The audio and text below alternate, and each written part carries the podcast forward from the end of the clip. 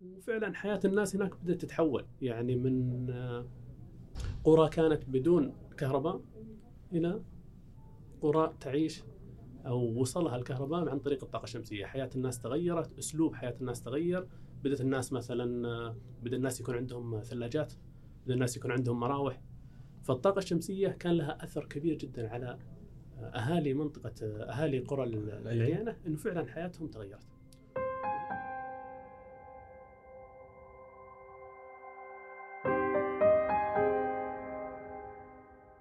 حياكم الله جميعا. ضيفنا اليوم المهندس أحمد الناجم خريج هندسة كهربائية من جامعة فيكتوريا بكندا. مدير طاقة معتمد من منظمة مهندسي الطاقة الأمريكية ومهندس طاقة شمسية معتمد من الشركة السعودية للكهرباء يعمل حاليا في مجال إدارة مشاريع الطاقة الشمسية.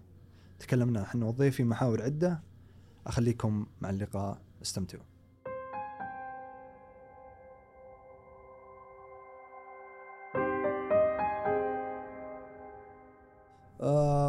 زي خ... زي أي خريج هندسه كهربائية من كندا صحيح. طلعت من جامعة فيكتوريا بعدين في توجه ساير من قبلك انه والله بروح مثلا الطاقه الشمسيه ولا هي محض صدفة ولا لقيت شيء جذبك من ناحية الطاقة الشمسية وش اللي حاصل؟ طيب في البداية آه، يعطيك العافية على الاستضافة مهندس حاتم. بالنسبة لبداية الاهتمام يمكن تكون في آه، تقريبا عام 2014 آه، لما قررت أو كنت في مرحلة تقرير التخصص اللي هو هل أدخل هندسة القوى أو هندسة الطاقة أو تخصص ثاني من ضمن دراستي من هندسة الطاقة الكهربائية. وأذكر أحد الزملاء ذكر لي أن تخصص هندسه القوه هو تخصص زي ما تقول تقليدي جدا. يعني آه، طرق إنتاج الطاقة في السعودية من 30 40 سنة ماضية هي نفسها إلى اليوم. المعدات طرق التوزيع طرق النقل المستعمل من 30 40 سنة إلى اليوم موجودة نفسها. هذا شوي يعني كلام زي ما تقول أحبطني لأني أنا بطبعي أحب أحب التطوير أحب أحب التجديد أحب أبحث عن فرص جديدة.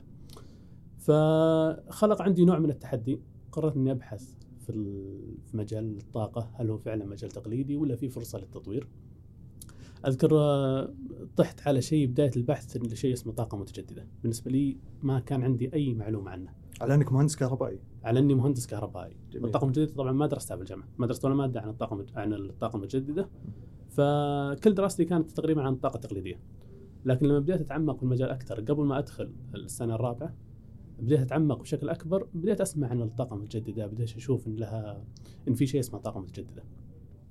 وأكثر شيء ممكن أعجبني في الطاقة المتجددة هو تطبيقات الطاقة الشمسية.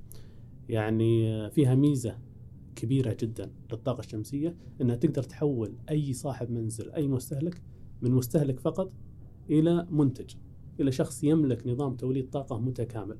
هو اللي يتحكم فيه هو اللي يديره هو اللي يملكه طوال فترة تشغيله. يعني مثلا إحنا متعودين طرق التوليد تكون أو محطات التوليد تكون بعيدة عن المدن. وأنت كصاحب منزل أو كصاحب شركة أنت فقط مستهلك. لكن الميزة المهمة في الطاقة الشمسية انها تقدر تحولك أنت من فقط مستهلك كصاحب منزل إلى منتج للطاقة وتملك نظام إنتاج طاقة متكامل. فهذه بالنسبة لي صراحة شدني جدا في في تطبيقات الطاقة الشمسية ومن يمكن من خلال البحث هذا بدأ بدأ يتطور عندي اهتمام في الطاقة المتجددة وفي الطاقة الشمسية يعني بشكل خاص. طيب بس أنت متى متى قلت خلاص هذا الخط اللي من بعد هذا الخط خلاص أنا ببدا أهتم بالطاقه الشمسيه، هل قلت لا خلصت البكالوريوس ولا خلال تعلمك البكالوريوس؟ متى بديت توجه الاهتمام هذا؟ لا يمكن خلال مرحلة البكالوريوس كان فقط اهتمام وبحث ومعلومات ودي أتعمق فيها بشكل أكبر، يعني ما كان ما قررت ابدا إني والله خلاص الآن بدرس طاقه متجدده ولا الان بتعمق فيها. آه، يمكن اللي اللي خلاني شوي أتعمق بشكل أكبر هي فترة عملي في كندا. أنا اشتغلت في شركة الكهرب في ولاية بريتش كولومبيا اسمها FortisBC وهناك بدأ يتكون بديت أكون الخبرات العملية آه، في مجالات الطاقة المتجد- المتجددة. يعني أذكر آه، أول مشروع عملت فيه كان محطة توليد آه، طاقة الكهرباء من مياه السدود. وهذا نوع من أنواع الطاقة المتجددة. صحيح. فعشت التجربة. عملت في ال- في محطة الإنتاج فترة طويلة. كونت عندي يعني زي ما تقول اهتمام أكبر. بدأ يتكون عندي أو بدأ يتحول الاهتمام إلى شغف لأني عشت التجربة آه، بعدها أذكر عملت في قسم آه، مواصفات ومقاييس النقل والتوزيع وعملت على مشروعين رئيسيين هناك. المشروع الأول كان يتعلق ب آه، أو كون عندي فكرة عن التوجه العالمي من تقليل هدر الطاقة إلى رفع كفاءة استهلاك الطاقة. بس معلش وش الفرق بينهم يعني؟ كيف وش يعني كيف كيف أفرق بين الثنتين هذول؟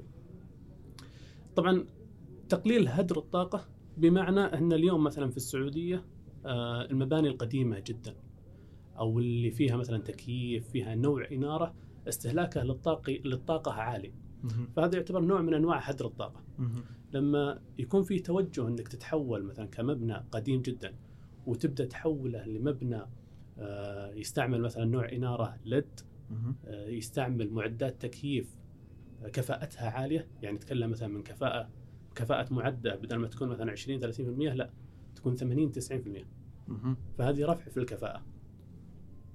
بعدين تجي يجي الدور الأخير اللي هو مثلا آه، وجود طاقة متجددة. آه أنا خلال فترة عملي يمكن عملت على مشروع مهم واللي هو تحويل إنارة الشوارع من إنارة تقليدية اللي معروفه بصرفيتها العالية الكهرباء إلى إنارة ليد المعروف بتوفيرها الكهرباء. يعني المدينة اللي كنت فيها خلال فترة عملي كان عندهم التوجه هذا إنه إحنا فعلا قاعدين ندفع مبالغ عالية في فواتير الكهرباء لأن نستعمل إنارة تقليدية، ليش ما نبدأ نحول؟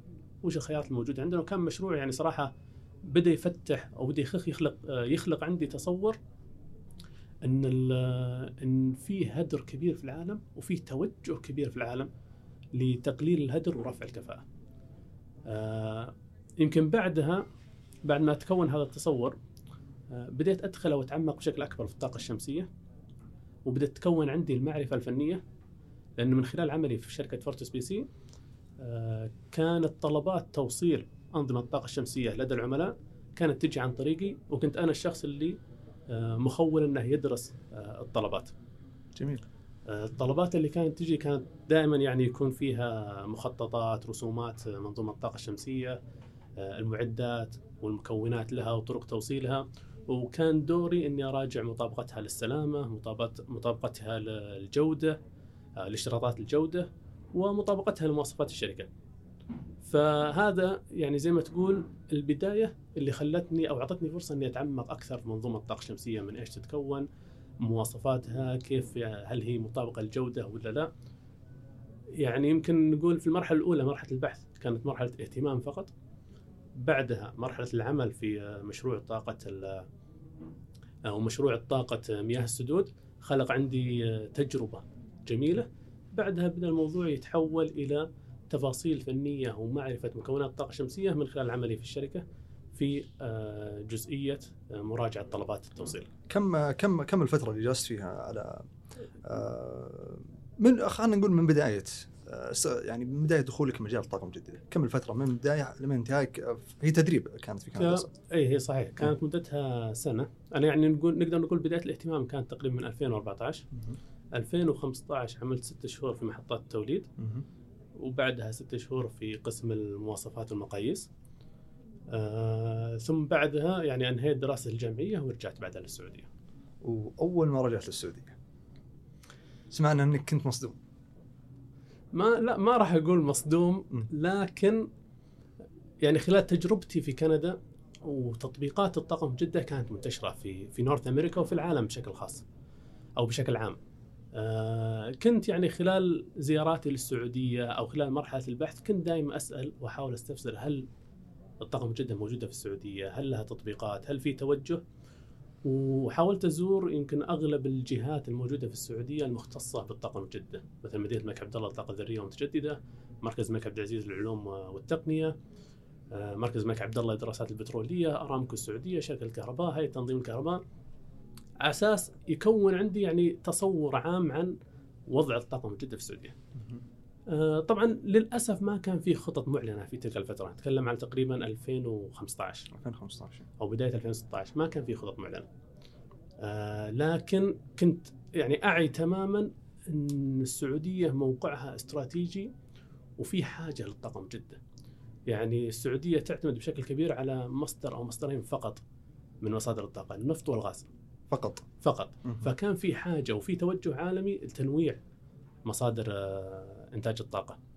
مع العلم إنه في في ازدياد على موضوع الاستهلاك عندنا في السعودية. عالي جدا موضوع الاستهلاك في السعودية، السعودية من أعلى دول العالم استهلاكا للكهرباء.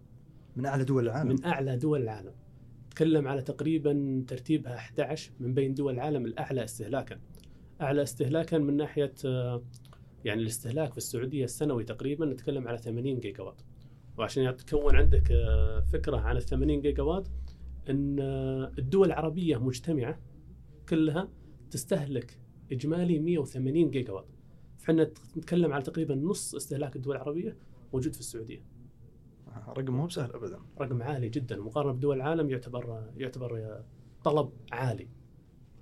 وهذا يمكن اللي خلق عندي آه، فكرة إن السعودية في حاجة كبيرة في طلب عالي وفي ميزة للسعودية موقعها الجغرافي.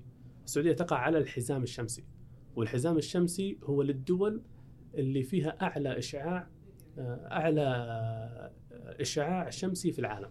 المقصود يعني هل الحزام هذا مثلا الدول اللي واقعة على الحزام هذا تتسم بسمات معينة يعني جغرافيا؟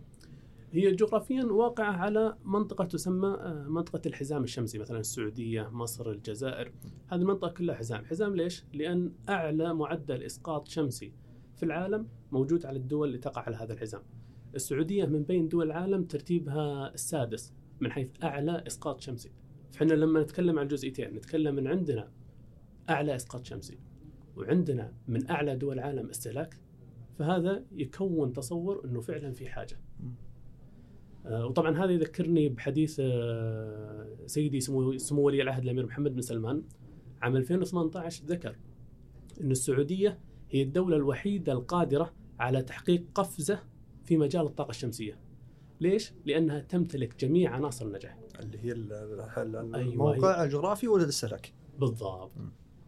طيب يعني قبل ما اتطرق لسالفة عمل أو مبدأ عمل الالواح الشمسية يا أخي أنا شايف يعني هي فترة كذا فترة كذا انتقالية والفترة الانتقالية دي قصيرة يعني ما هي ما هي كبيره يعني إحنا ما أخذنا سنوات عشان نطيح بالطاقه الشمسيه فجأة كذا لقينا أنفسنا قدام مشاريع ضخمة جدا آه كيف كيف كيف التاريخ كان؟ هل إحنا كنا أقل لو عندنا يعني مشاريع صغيرة جدا في السعودية نستخدم فيها طاقة مجددة؟ يعني هل كان في مشاريع فعلا كانت موجودة بس آه ما كانت معروفة؟ طبعا الطاقة الشمسية في السعودية ما بشيء جديد ابدا، السعودية من أوائل دول العالم في. في استعمال أنظمة الطاقة الشمسية. يعني أذكر آه، أول مشروع طاقة شمسية في السعودية كان تقريبا من 40 سنة عام 1400 هجري اللي هو 1980 ميلادي.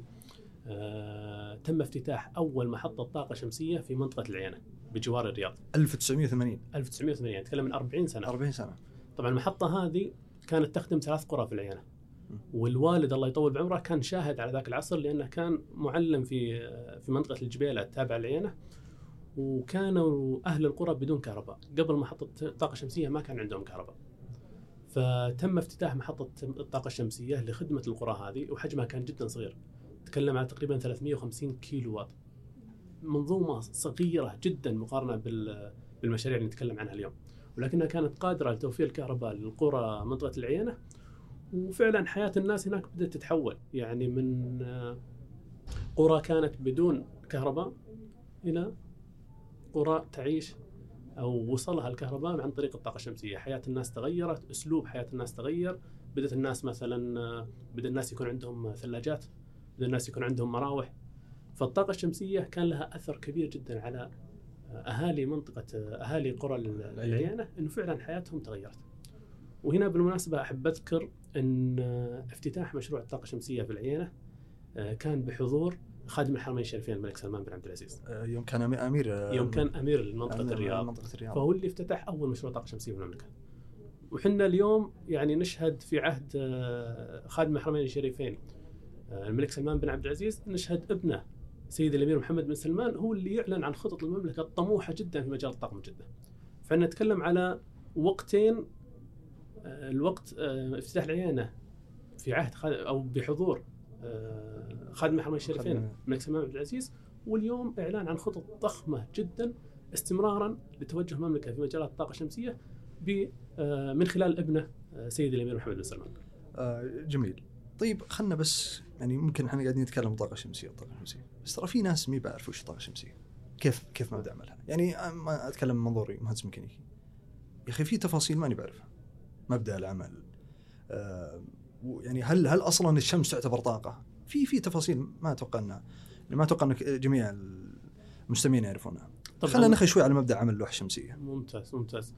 آه أنت تعرف إن أشعة الشمس آه فيها كمية طاقة مهولة جدا. يعني عشان أكون عندك تصور لو تم استغلال 100% من أشعة الشمس خلال ساعة ساعة واحدة فقط فهي قادرة على تغطية استهلاك الكرة الأرضية كاملة لمدة سنة كاملة. يعني ساعة واحدة فقط إذا تم استغلالها من أشعة الشمس قادرة على تغطية استهلاك الكرة الأرضية لمدة سنة كاملة. طاقة جدا مهولة. جدا مهولة. فالآن فلما نتكلم عن مبدأ عمل منظومة الطاقة الشمسية إحنا نتكلم على خلايا زجاجية بسيطة جدا.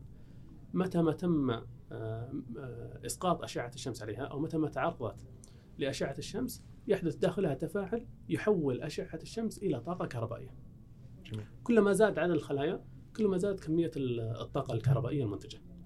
طبعا نوع الطاقة الكهربائية المنتجة هو يعتبر من نوع تيار مستمر وهو غالبا غير مستعمل في المنازل، إحنا في المنازل نستعمل تيار متردد.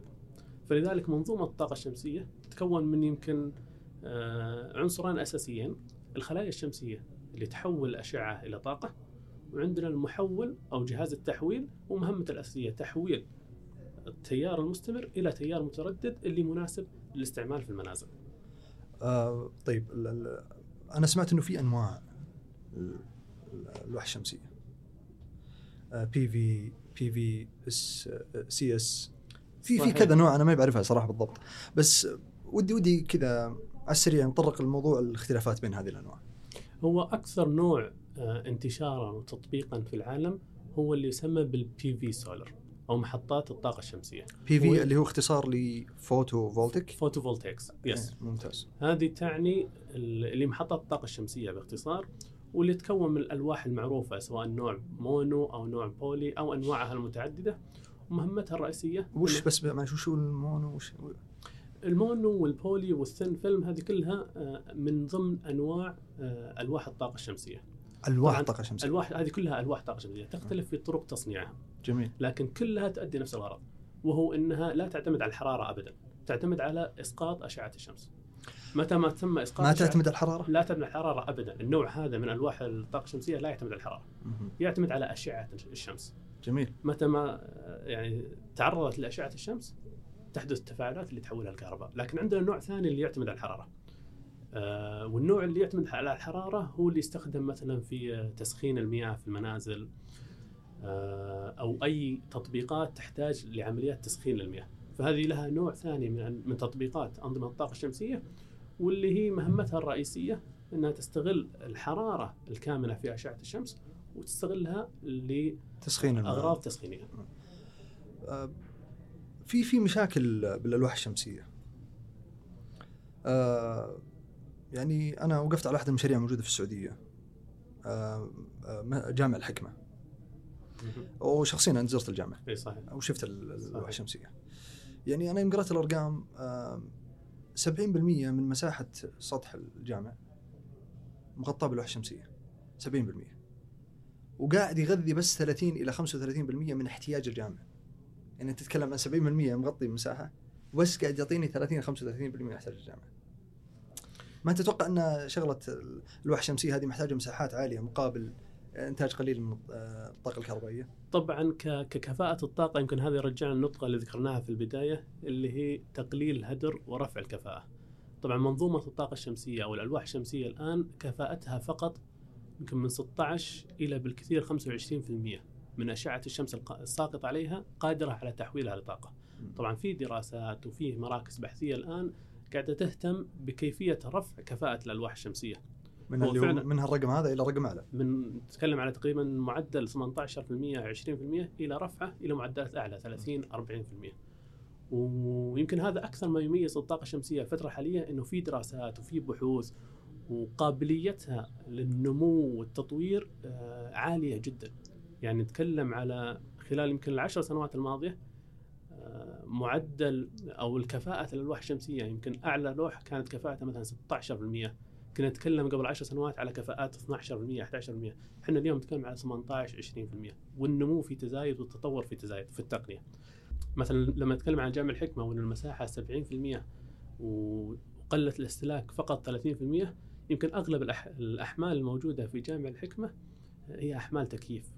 وأحمال التكييف استهلاكها الكهرباء عالي جدا. مقارنة بالإنارة والتطبيقات الثانية. اي الإنارة ممكن تغطيتها 100% ولكن لأن وحدات التكييف استهلاكها عالي يمكن هذه الآن في الفترة الحالية نشهد في السعودية اللي هو مركز كفاءة الطاقة كيف قاعد آه، يروج ويدعم ويدعم مكيفات ذات ذات الكفاءة العالية جدا. الكفاءة العالية وأيضا في مدينة مكة عبد العزيز والتقنية شغالين على آه، في أقسام عندهم بالأبحاث شغالين على مواضيع التكييف إنهم كيف كيف يردون مكيفات مثلا آه، ممكن تعمل على السولار وهذا كله شغال في قسم الأبحاث. هذا مهم هذا مهم جدا لأن أغلب استهلاك السعودية إحنا نتكلم على إحنا ذكرنا تقريبا 80 جيجا وات كاستهلاك في السعودية 70% منها تروح لأغراض تبريد وتكييف.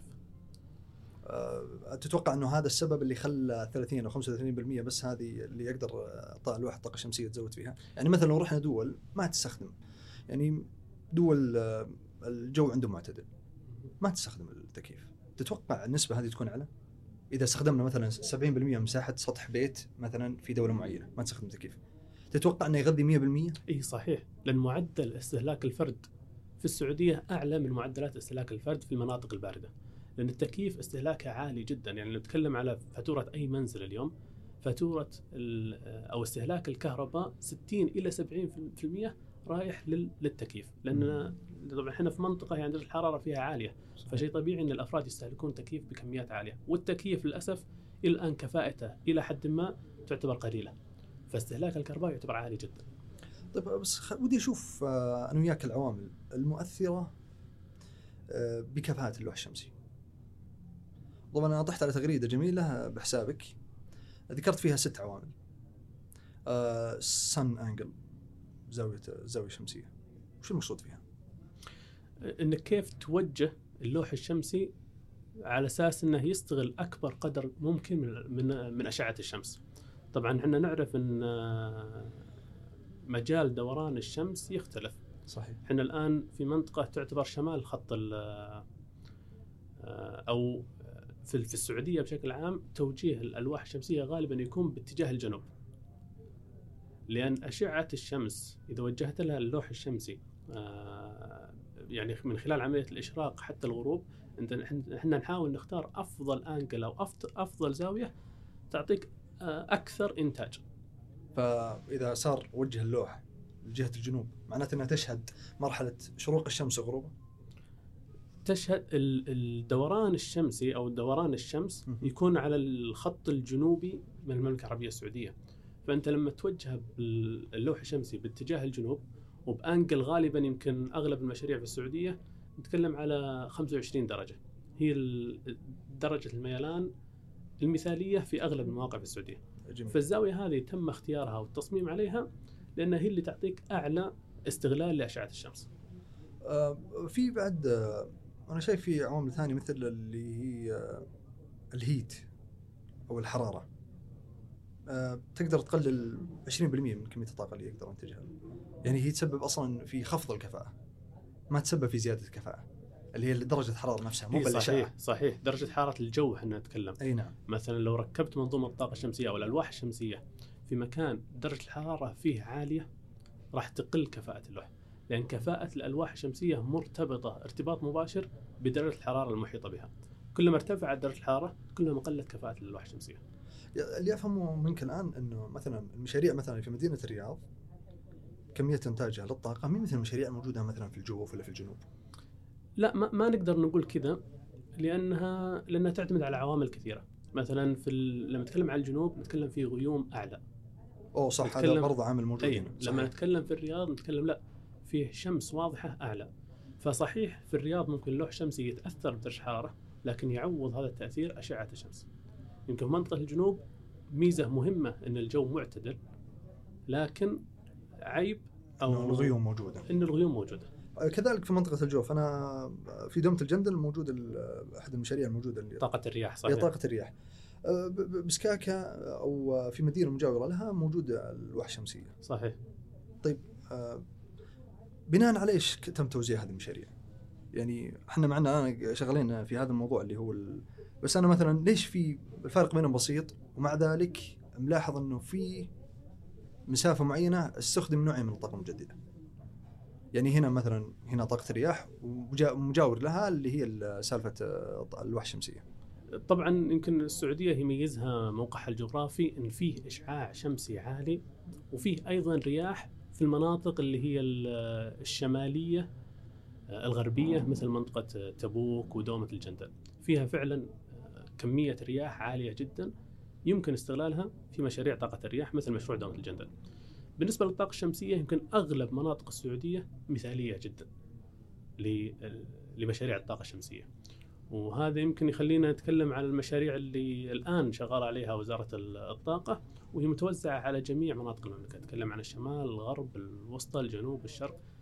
جميع مناطق المملكة راح يتم استغلالها لأنها مثالية وأجواءها مثالية جدا لمنظومة الطاقة الشمسية. طيب إحنا حاولنا نحصي الآن العوامل المؤثرة أه، بإنتاج الطاقة من خلال الواح الشمسية. أه، في مستقبل الواح الشمسية في المملكة العربية السعودية ولا لا؟ طبعا طبعا مستقبل واعد ومستقبل ضخم جدا. إحنا نتكلم اليوم على أكبر مشروع طاقة شمسية في العالم. في العالم. في العالم. اللي تم الإعلان عنه آه، من سمو سيدي الأمير محمد بن سلمان من خلال اتفاقية مع SoftBank تم إعلان المشروع بحجم 200 جيجا وات وبتكلفه تقريبية 200 مليار دولار. مشروع ضخم جدا. طبعا عشان يكون في تصور عند المستمع عن عن حجم أو ضخامة المشروع إحنا نتكلم اليوم على أعلى دولة في العالم من ناحية مشاريع الطاقة الشمسية هي الصين. مجموع المشاريع في الصين لا يكاد يتعدى 130 جيجا وات فقط. توجه السعودية الآن نتكلم على 200 جيجا وات يمكن حتى عشان نعطي مقارنة ثانية الصين هي أعلى دولة في العالم 130 جيجا وات ثاني أعلى دولة في العالم هي الولايات المتحدة الأمريكية. الولايات المتحدة الأمريكية مجموع مشاريع الطاقة الشمسية عندها تقريبا 85 جيجا وات فقط. 85 85 فإحنا نتكلم 85 130 و200 جيجا يعني هذا يخلق تصور عند المستمع إنه فعلا مشروع ضخم جدا جدا آه هو السالفة إنه مين اللي قام بهالمشاريع هذه؟ أي الوزارات؟ وزارة الطاقة آه آه هل شركة كهرباء كان لها نصيب من ال... مين اللي قام على المشاريع هذه؟ طبعا آه، المشاريع هذه إحنا لما نتكلم طبعا شركة الكهرباء يمكن آه، عملها وإشرافها الرئيسي على مشاريع آه، الطاقة الشمسية الصغيرة. إحنا نتكلم عن مشاريع الأقل من 2 ميجا وات، هذه تتم بإشراف مباشر من شركة الكهرباء. دور شركة الكهرباء في المشاريع الكبيرة آه، لأن هي المشتري الرئيس. في النهاية بعد تركيب المشروع المشتري الرئيس والاتفاقيات تكون عن طريق شركة الكهرباء. ولكن طرح المشاريع، دراسة المشاريع يكون عن طريق وزارة الطاقة. ويكون عن طريق مكتب تطوير المشاريع في وزارة الطاقة. وطبعا عندنا جزء من المشاريع يكون عن طريق صندوق الاستثمارات العامة. آه، صندوق الاستثمارات العامة. طبعا لما نتكلم عن المشروع بهذه الضخامة عنصر أساسي فيه هو تطوير صناعة الطاقة المجدده في المملكة. وهذا الجزء آه، تحت إشراف صندوق الاستثمارات العامة. وهدفهم الرئيسي في جلب المستثمر الأجنبي، جلب رؤوس الأموال الأجنبية. وجعلهم يستثمرون يستثمرون في مجال الطاقة المتجددة في السعودية.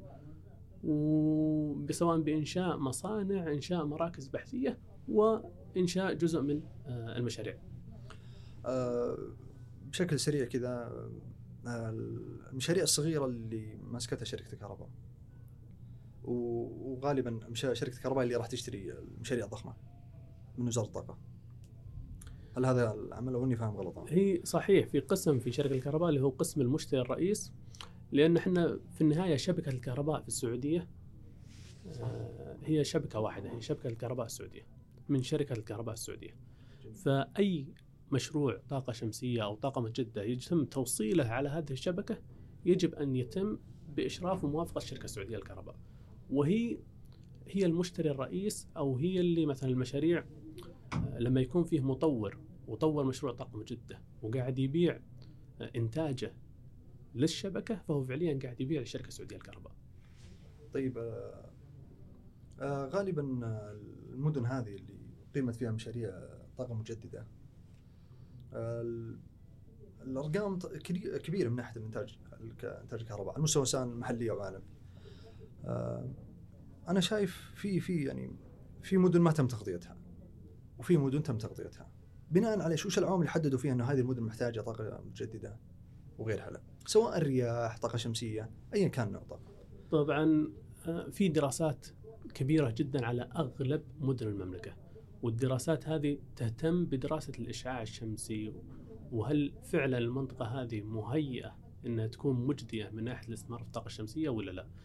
آه، يمكن مدينة الملك عبد الله الطاقة الذرية والمتجددة هي الجهة المشرفة على دراسة المواقع في المملكة. آه، وتم فعليا إحنا ذكرنا ممكن في سكاكا ذكرنا في دومة الجندل السنة هذه 2019 نتكلم على 12 مشروع متوزعة في مناطق المملكة المختلفة نتكلم عن مكة المدينة الرياض جميع مناطق المملكة. ونتكلم أيضا على مشاريع ضخمة قادمة. آه، راح تغطي أغلب مناطق المملكة. أغلب مناطق المملكة. أغلب مناطق المملكة لأنك لأن مثل ما ذكرت لك المملكة تقع على منطقة الحزام الشمسي. فأغلب مناطق المملكة مهيئة لمشاريع الطاقة الشمسية. واللي يعتمد في النهاية دراسات مركز الملك عبد الله للطاقه المتجدد الطاقه الذرية والمتجدده آه، دراساتهم الميدانيه هي اللي تحدد جدوى المنطقة هذه. هل هي فعلا مناسبة والإشعاع الشمسي فيها عالي وعائد أو جدوى الاستثمار فيها مجدي ولا لا؟ طيب أكيد إن حجم الاستثمارات اللي صار والمشاريع هذه راح تخلق فرص وظيفية.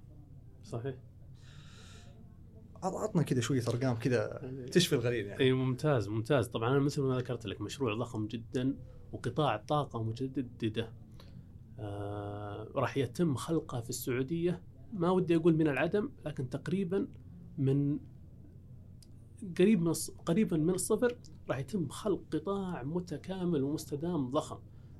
القطاع هدفه مو فقط إنشاء مشاريع توليد وإنتاج طاقة لا.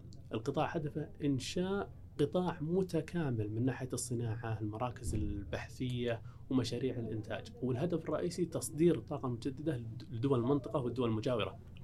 اذا هو مو بهدف انتاج محلي، في في شغ... في في جانب من التصدير وفي جانب صحيح هو الهدف الرئيسي خلق قطاع يخدم المنطقة ويغطي الحاجة المحلية، يغطي الطلب المحلي ولا يتوقف هنا فقط. يغطي الطلب وأيضا يصدر خارجيا. لما نتكلم عن الفرص الوظيفية نتكلم على أكثر من مئة ألف فرصة وظيفية راح يتم خلقها في قطاع الطاقه المجدده. خلال 12 عام. خير حتى 2030 خلال تقريبا 12 سنة القادمة عشان يكون عندك تصور عن القطاع ليش أنا ذكرت مثلا إنه قطاع من العدم أو تقريبا من الصفر لأن 2016 عدد العاملين في القطاع كانوا تقريبا 800 آه، موظف فقط صح. عام 2017 زاد العدد وصلنا تقريبا إلى 3000 موظف معدل معدل- نمو نعم. جميل جدا جميل جدا خلال 12 سنة القادمة نتكلم على 100 ألف فرصة وظيفية راح يتم خلقها في هذا القطاع مبشر خير هذا بإذن الله. جدا جدا يمكن عشان يمكن الأرقام آه، يمكن البعض يقول هذه أرقام ضخمة هل فعلا راح تتحقق على أرض الواقع ولا لا؟ وأنا هنا حاب أستشهد بأول مشروعين تم تنفيذهم عن طريق وزارة الطاقة. هل نجح المشروعين هذه ولا لا؟ المشروع الأول اللي هو مشروع آه 300 ميجا واط طاقة شمسية في منطقة سكاكا. آه المشروع هذا قدر يحقق نجاح مميز لأول مشروع طاقة شمسية في المملكة. ليش؟ لأنه قدر يجذب استثمارات عالمية، قدر يجذب رؤوس الأموال وحقق رقم قياسي عالمي كأرخص مشروع يتم تنفيذه في العالم. آه يعني هو ما شاء الله في في في في بعد جانب اقتصادي يعني حتى يفكرون بسالفه إنه كيف ننشئ هذه الشغلات كلها بأقل التكاليف.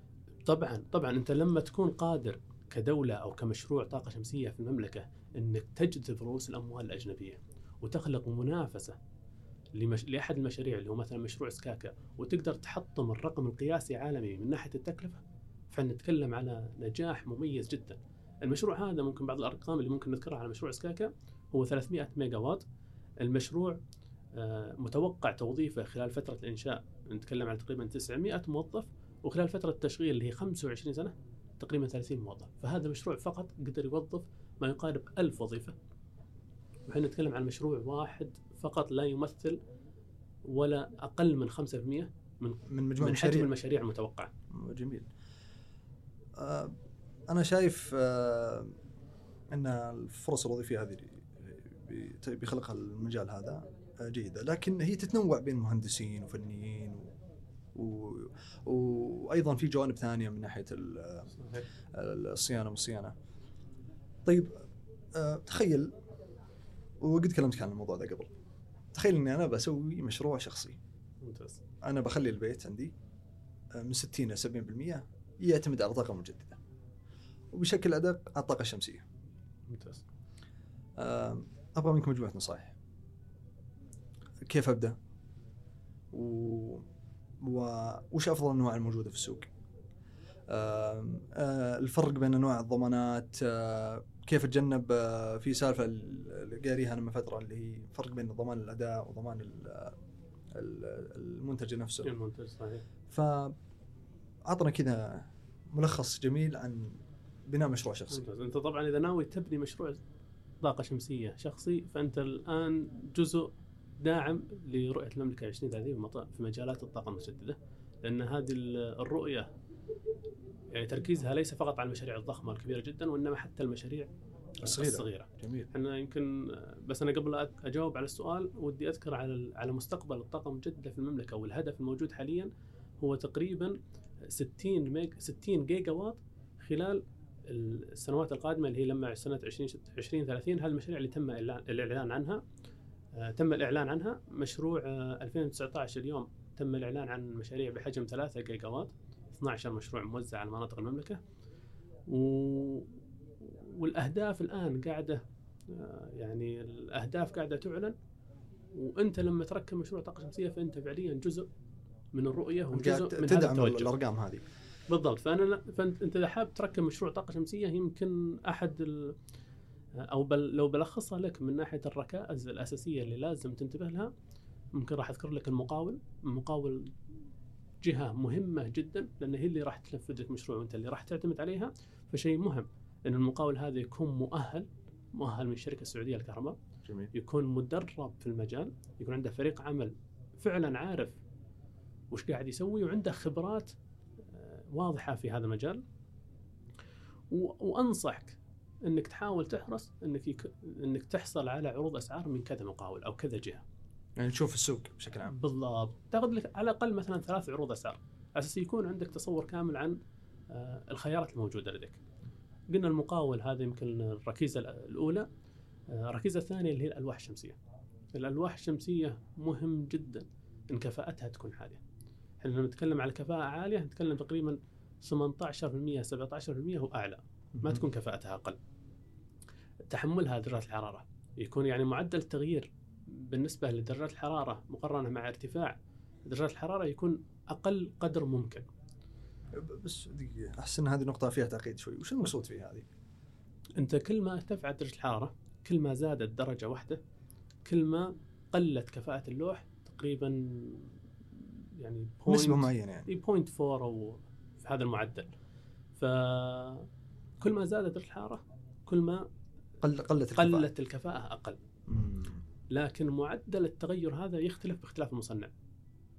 بعض المصنعين يكون معدل تغيير عالي جدا. في اللوح الشمسي قد لا يكون مثلا مناسب للمناطق الصحراوية مثل السعودية. عندنا المناطق الصحراوية مهم لما تختار لوح شمسي إنك تعرف إنه مطابق لما يسمى بال- بالديزرت بروتوكول.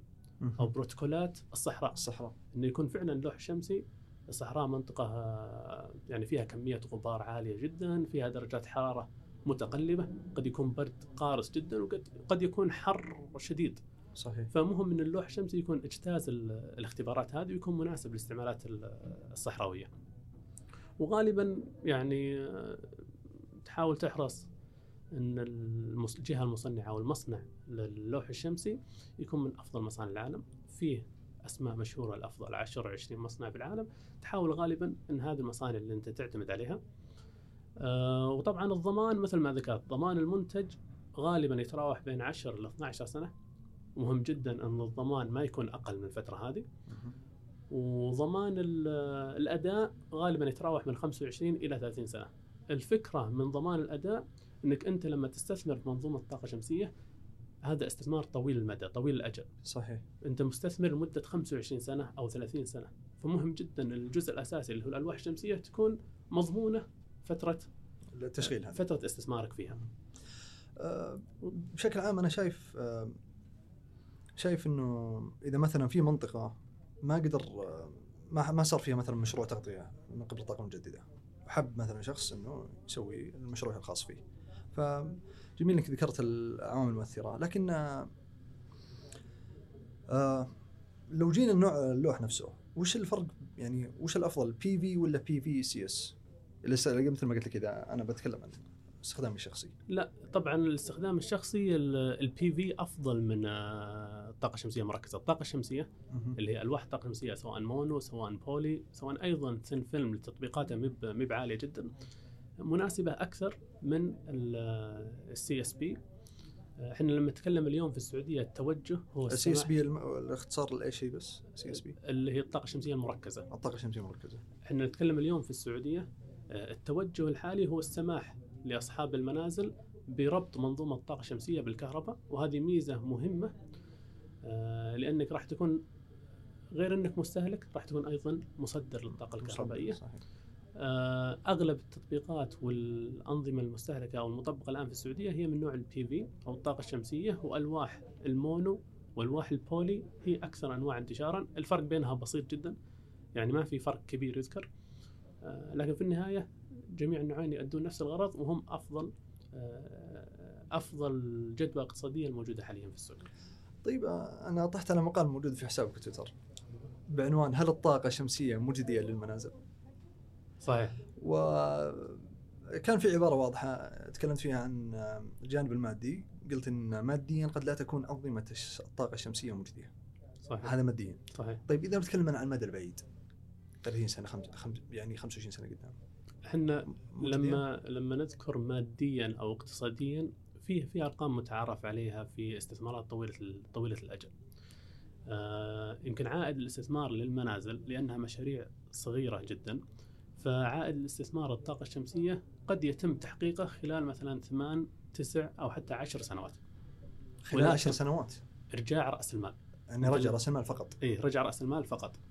لكن لما أتكلم على منظومة مضمونة لمدة 25 إلى 30 سنة فبتكون فيها أرباح. فتكون في أرباح طبعا. لأنك أنت يمكن لو فرضنا في البداية كلفك النظام ولنفرض رقم مثلا خمسين ألف ريال. لما تدفع خمسين ألف ريال أنت استثمارك طويل المدى. أنت استثمارك يمكن يكون لعيالك أكثر منه لك صح. آه 25 سنة ب 50 ألف ريال خفض لك فواتير الكهرباء الشهرية إلى مثلا نفرض إنها 50% خلال ثمان تسع سنوات للمنازل طبعا هذه تختلف باختلاف المشروع باختلاف الاستهلاك قد تكون خمس سنوات قد تكون ست سنوات. بناء على استهلاك بناء على الاستهلاك طبعا. صح. لكن كمعدل للمنازل الصغيرة؟ لما نتكلم على ثمان إلى عشر سنوات عائد جميل ولكن غير مجدي اقتصاديا. لكن طبعا هذا جانب مادي فقط. إحنا نذكر إنك أنت الآن لما تستعين بمنظومة الطاقة الشمسية في ميزة مهمة إنك حولت منزلك أو أنت كشخص من فقط مستهلك إلى منتج, منتج، الطاقة منتج. انت عندك نظام طاقة شمسية تملكه أنت وتديره أنت حتى في حالات لا قدر الله آه، الكهرباء اللي جاية من شركة الكهرباء صار فيها أي خلل منظومة الطاقة الشمسية المفروض إنها تكون قادرة على خدمة المنزل. طيب وش رسالة المهندس أحمد؟ كان الرسالة طبعا جميع المعلومات اللي كونتها أو خلال يمكن أربع خمس سنوات جميع الأفكار اللي حاولت أكونها في الطاقة المجددة كانت بناء على self learning أو دراسة شخصية واطلاع وبحث شخصي. وأنا أحث أي شخص عنده اطلاع خاصة في مجال الطاقة المجددة. إنه هو مجال هو المستقبل. ومجال واعد جدا. ليس فقط للمهندسين حتى أيضا للمحاسبين للماليين للي يدرسون مثلا قانون. في حاجة في مو- محكور على. المهندسين. ابدا ابدا قطاع كامل راح يتم انشاؤه قطاع صناعي ومراكز بحثية في حاجة للشباب السعودي وفي حاجة ضخمة جدا للشباب السعودي وفي فرص واعده فأنا نصيحتي أي شخص عنده هذا الميول لا يحكم نفسه بالدراسة فقط في سواء الجامعة أو أي معهد وإنما لا يحرص إنه يطور نفسه بنفسه يحرص على ال self learning ويح لأن يمكن في مقولة معروفة تقول لك لا تعليم يفوق التعليم الذاتي. وهذه فعلا التعليم الذاتي مهم جدا وهو اللي يفرق مع الشخص هو اللي يميز الشخص عن غيره. اذا التعليم الذاتي والطاقه المتجددة. صحيح صحيح. أشكرك يا مهندس أحمد على وقتك. الله يعطيك كان معكم. حاتم الخليوي يعطيكم العافية.